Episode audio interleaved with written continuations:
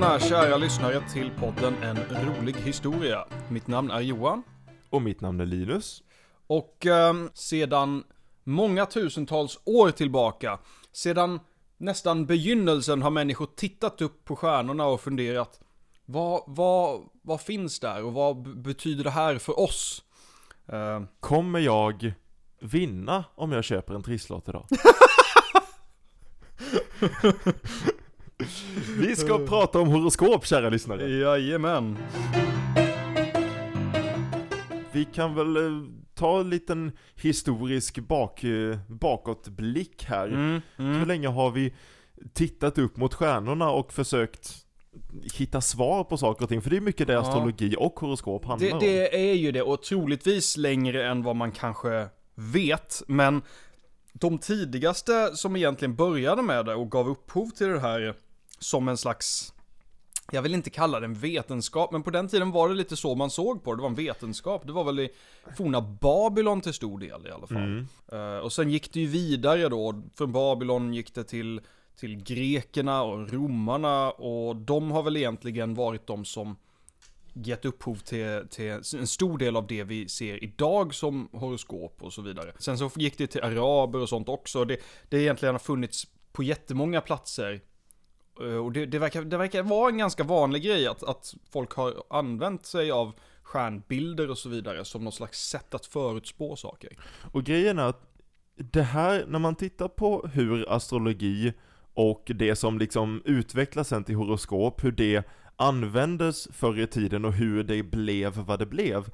Det känns som att det finns en väldigt logisk, eh, en, en, en logik i hur det uppkom. För att man ska ju aldrig glömma bort att forntidens civilisationer var ofta väldigt, väldigt duktiga vad det gällde just matematiska uträkningar och att liksom följa solens rörelse, räkna Mm. ut storleken på jorden, allt sånt där. Det, det fattade man ju väldigt, väldigt tidigt. Oh ja. Det föder ju det här med att man troligtvis väldigt snabbt fattade att solens rörelser, det korrelerar med årstider, du kan förutsäga skördar och så vidare. Mm. Så att en del saker kan du ju förutsäga när du tittar upp mot himlen om du vet vad du tittar på. Det, så är det, och det är ju det som på något vis har eh, gett upphov till att, att legitimisera eh, eh, det här som, som ett sätt att tänka på i, i, i Mm. flera, flera tusentals år egentligen. Mm. Man kan förutspå till viss del kanske väder, mönster och liknande. Men sen kommer man in på det här att, ja ah, men då kanske vi kan förutspå krig och naturkatastrofer och allt sånt. Och sen går det in på ännu mer att, jaha, Mm. då kanske vi till och med kan förutspå vem du är, vad som kommer hända med dig. Precis. Du sa att du, du inte riktigt ville se astrologi som en vetenskap och det är det ju Mm. inte idag. Idag Men- nej.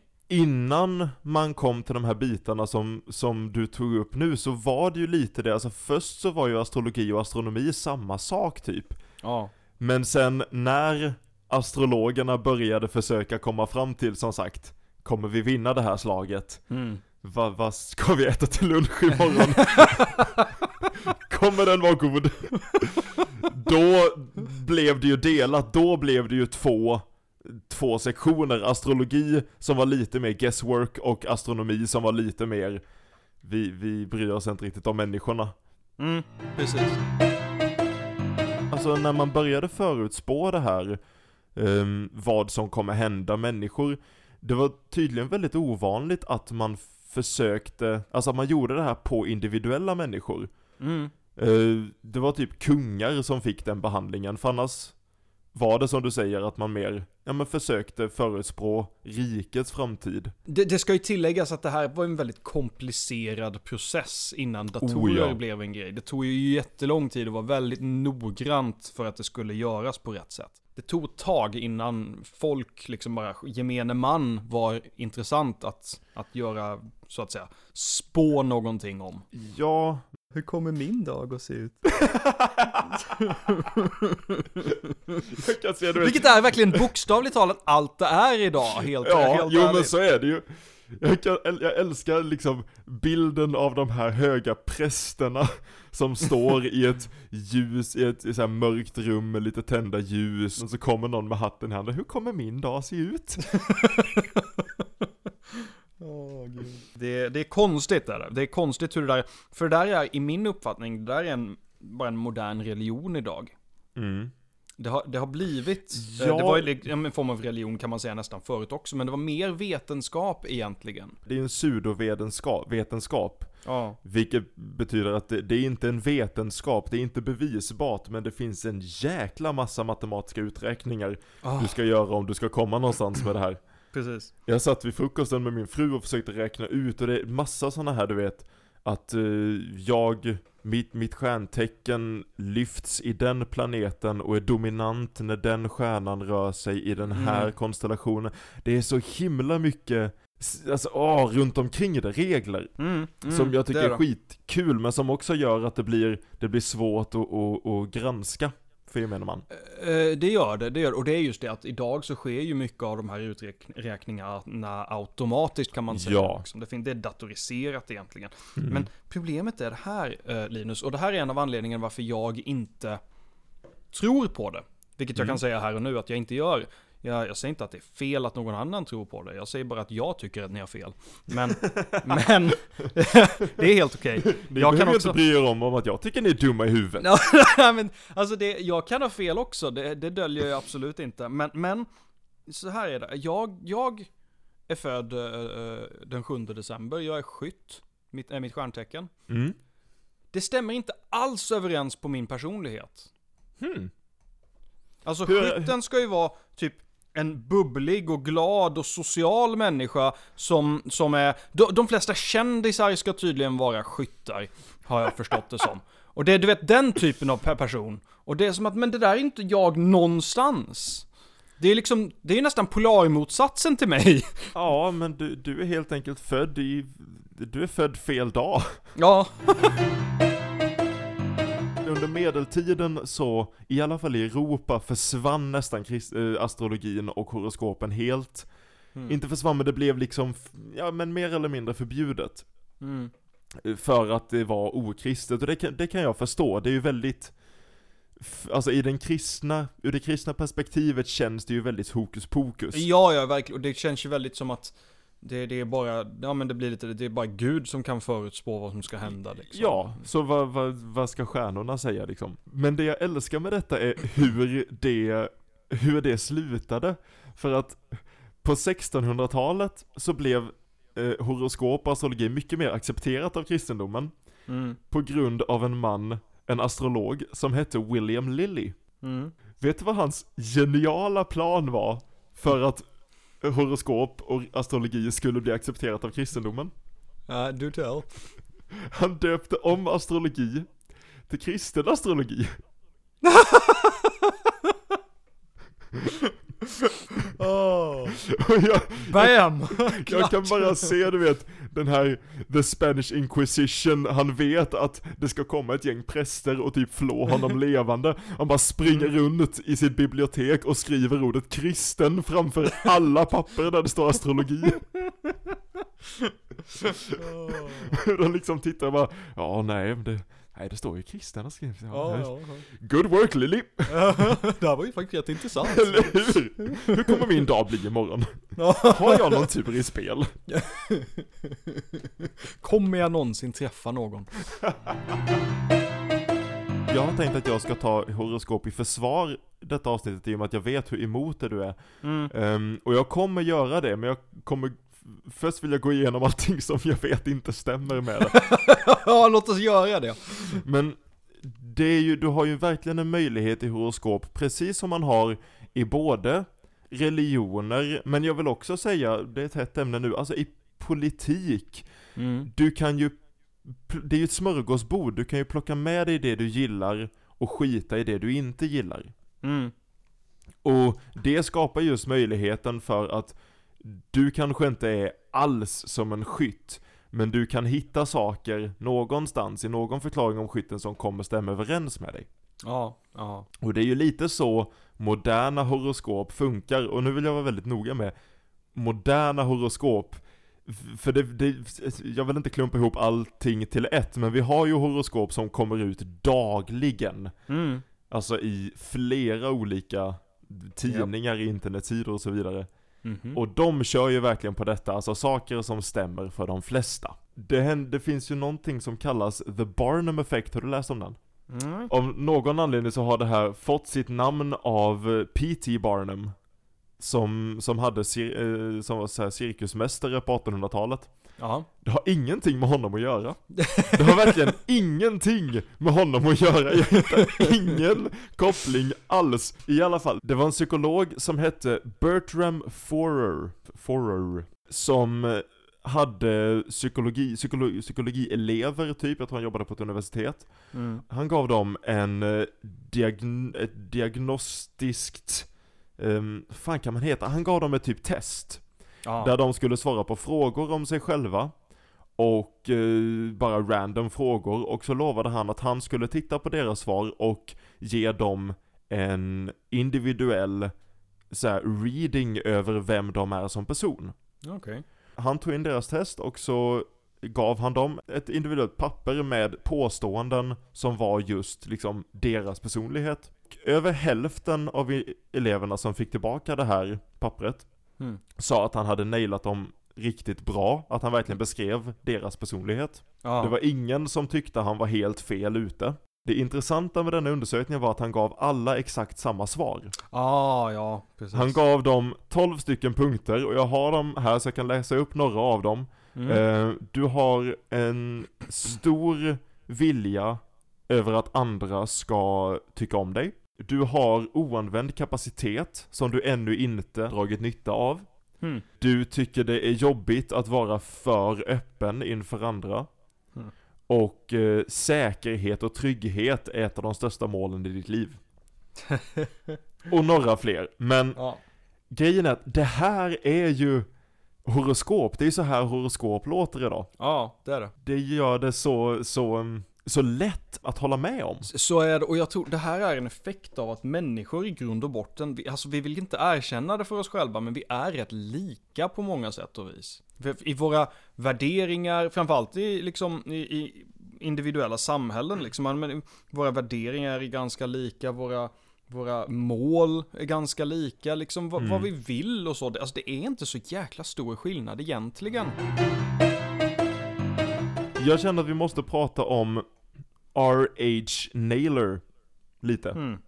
Okej. För att horoskop kommer ifrån, du vet, astrologi, det, det, det kommer från väldigt gamla mystiska civilisationer och sen helt plötsligt finns det i, i tidningar och på metro och man, man får det varje dag. Det här var R.H. Naylor ganska så central i. Eh, Mm. för att horoskop började på 1900-talet så började horoskop bli lite av den här roliga grejen. Ja. Eh, och det började komma till, alltså man började ha det lite i tidningar och det fanns några astrologer eh, som gjorde horoskop. Det blev verkligen känt med ett horoskop som R.H. Naylor eh, gjorde. Han blev tillfrågad att spå framtiden för den brittiska prinsessan Margaret ja. när hon föddes i augusti 1930. Eh, och de frågade honom om han ville göra ett horoskop över hennes liv och trycka det i tidningen. Mm. Och i och med att han gjorde det så blev det en stor tidningsgrej liksom. Mm. Vet du vad han spådde för den brittiska prinsessan Margaret? Jag kan inte vänta på att höra det. Hennes liv kommer vara händelserikt. Och jag menar det är ju, det är ju sant!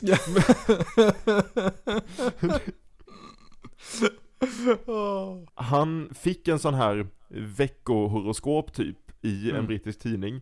Och en gång så skrev han att en flygfarkost, ett jävligt jävligt specifikt horoskop, han skrev att en, en brittisk flygfarkost skulle vara i fara någon gång mellan den 8 och 15 oktober.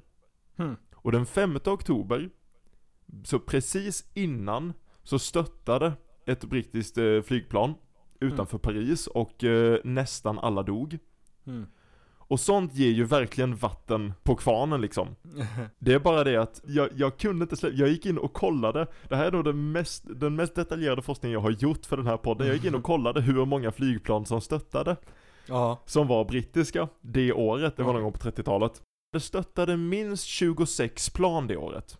Oj. Vilket betyder att det var mer än två stycken i månaden.